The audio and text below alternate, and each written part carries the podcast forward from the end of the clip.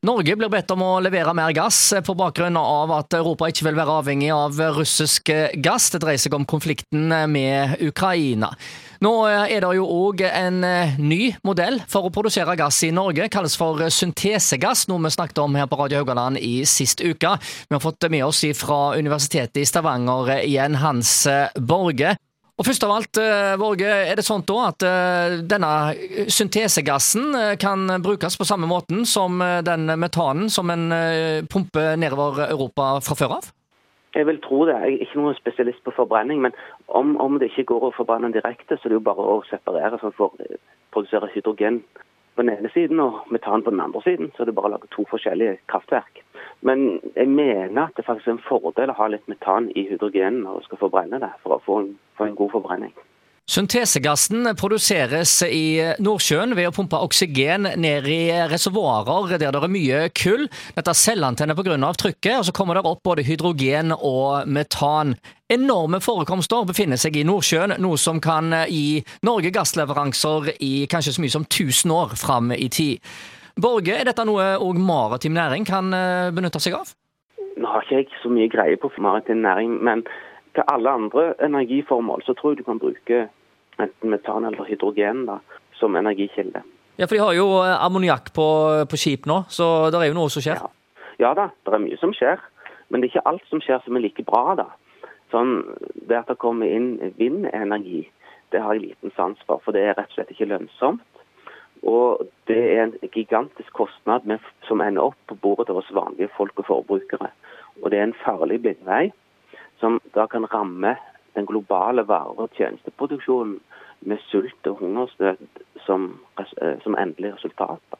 Ja, så, så, dette med å eh, finne nye måter å produsere billige kraft på, det er eh, nøkkelen eh, på mange måter for altså, at en skal få en bedre verden på alle mulige måter. Det dreier seg om arbeidsplasser, det dreier seg om folks ve og vel, som du sier, hungersnød og i det hele tatt. Dette med billige kraft, det er kanskje det som vil være mest avgjørende for utviklingen av verdenssamfunnet i årene framover? Ja, helt klart. Det, her i Norge så har vi råd til å betale høye strømregninger. Mens de land som ikke har råd til å betale høye strømregninger, de får ikke levert strøm. Så enkelt er det. Og sånn er det også at Jeg blir ofte litt oppgitt når jeg ser velbemidla kjendiser stå frem og bekjenne at de, de kan gjerne betale mer for å tanke bilen sin eller for strømmen. Men poenget er at folk som ikke har like mye penger, har ikke det valget.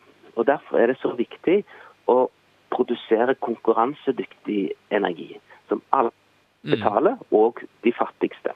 For de har òg en, en, slags rett da, på tilgang på, eh, på ja, mat og materielle goder som, som vi tar for gitt i dag. Når det gjelder disse utenlandskablene, så har jo det blitt mye kritikk rundt dette. Men eh, der mener du at det er politiske redskaper en kan ta i, i, bruk eh, for å unngå at dette fører til høyere strømpriser i Norge. Forklar det. Ja, altså Når en har valgt å knytte seg til det europeiske strømmarkedet, så må en ta konsekvensen av det. Og Så kan en diskutere om det var galt eller riktig, men bygger du kabler til land som da har en høyere pris på energien, da, da vil jo prisen i Norge stige. Problemet er at en snakker om å eksportere balansekraft. Men balansekraftmengden i Tyskland og Storbritannia på kontinentet for øvrig er jo mange mange ganger større den totale norske kraftproduksjonen.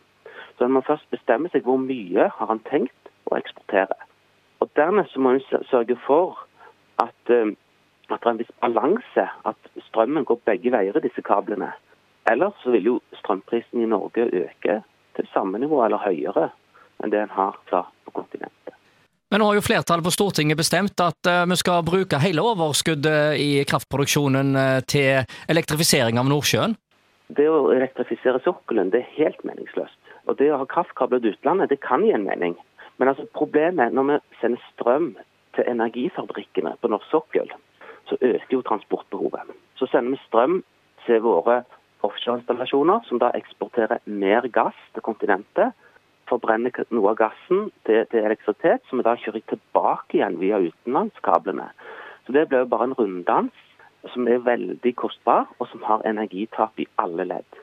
Så det må jeg bare advare mot på det sterkeste. å elektrifisere sokkelen, det finnes ikke ett godt argument. Det er bare symbolpolitikk.